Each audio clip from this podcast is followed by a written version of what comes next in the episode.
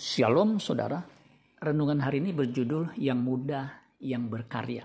Kisah para Rasul 3 ayat 1. Pada suatu hari menjelang waktu sembahyang, yaitu pukul 3 petang, naiklah Petrus dan Yohanes ke bait Allah.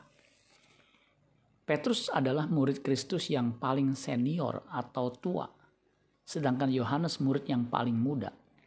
Ada perkiraan pada waktu Petrus dipanggil jadi murid Kristus, ia berumur 40-an, 40 tahun.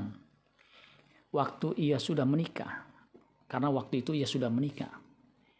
Yohanes diperkirakan lahir tahun 6, sehingga kemungkinan ia berusia belia, belum sampai 20 tahun waktu menjadi murid Kristus. Jadi selisih umur mereka cukup jauh.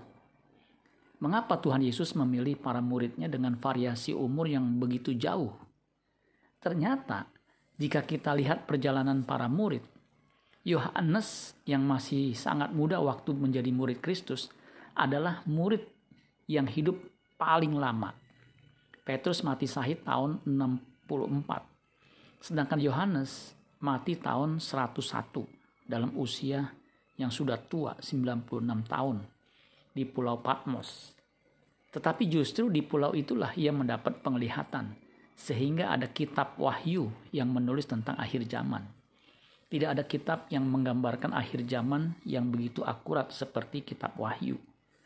Tuhan sudah mempersiapkan seorang muda untuk pekerjaannya. Gereja yang sehat dan bertahan adalah gereja yang memperhatikan pelayanan sekolah minggu remaja dan pemuda. Terbukti bahwa gereja yang berfokus pada pelayanan jiwa-jiwa, terutama orang muda yang akan bertahan di masa depan. Amin buat firman Tuhan. Tuhan Yesus memberkati. Sola Gracia.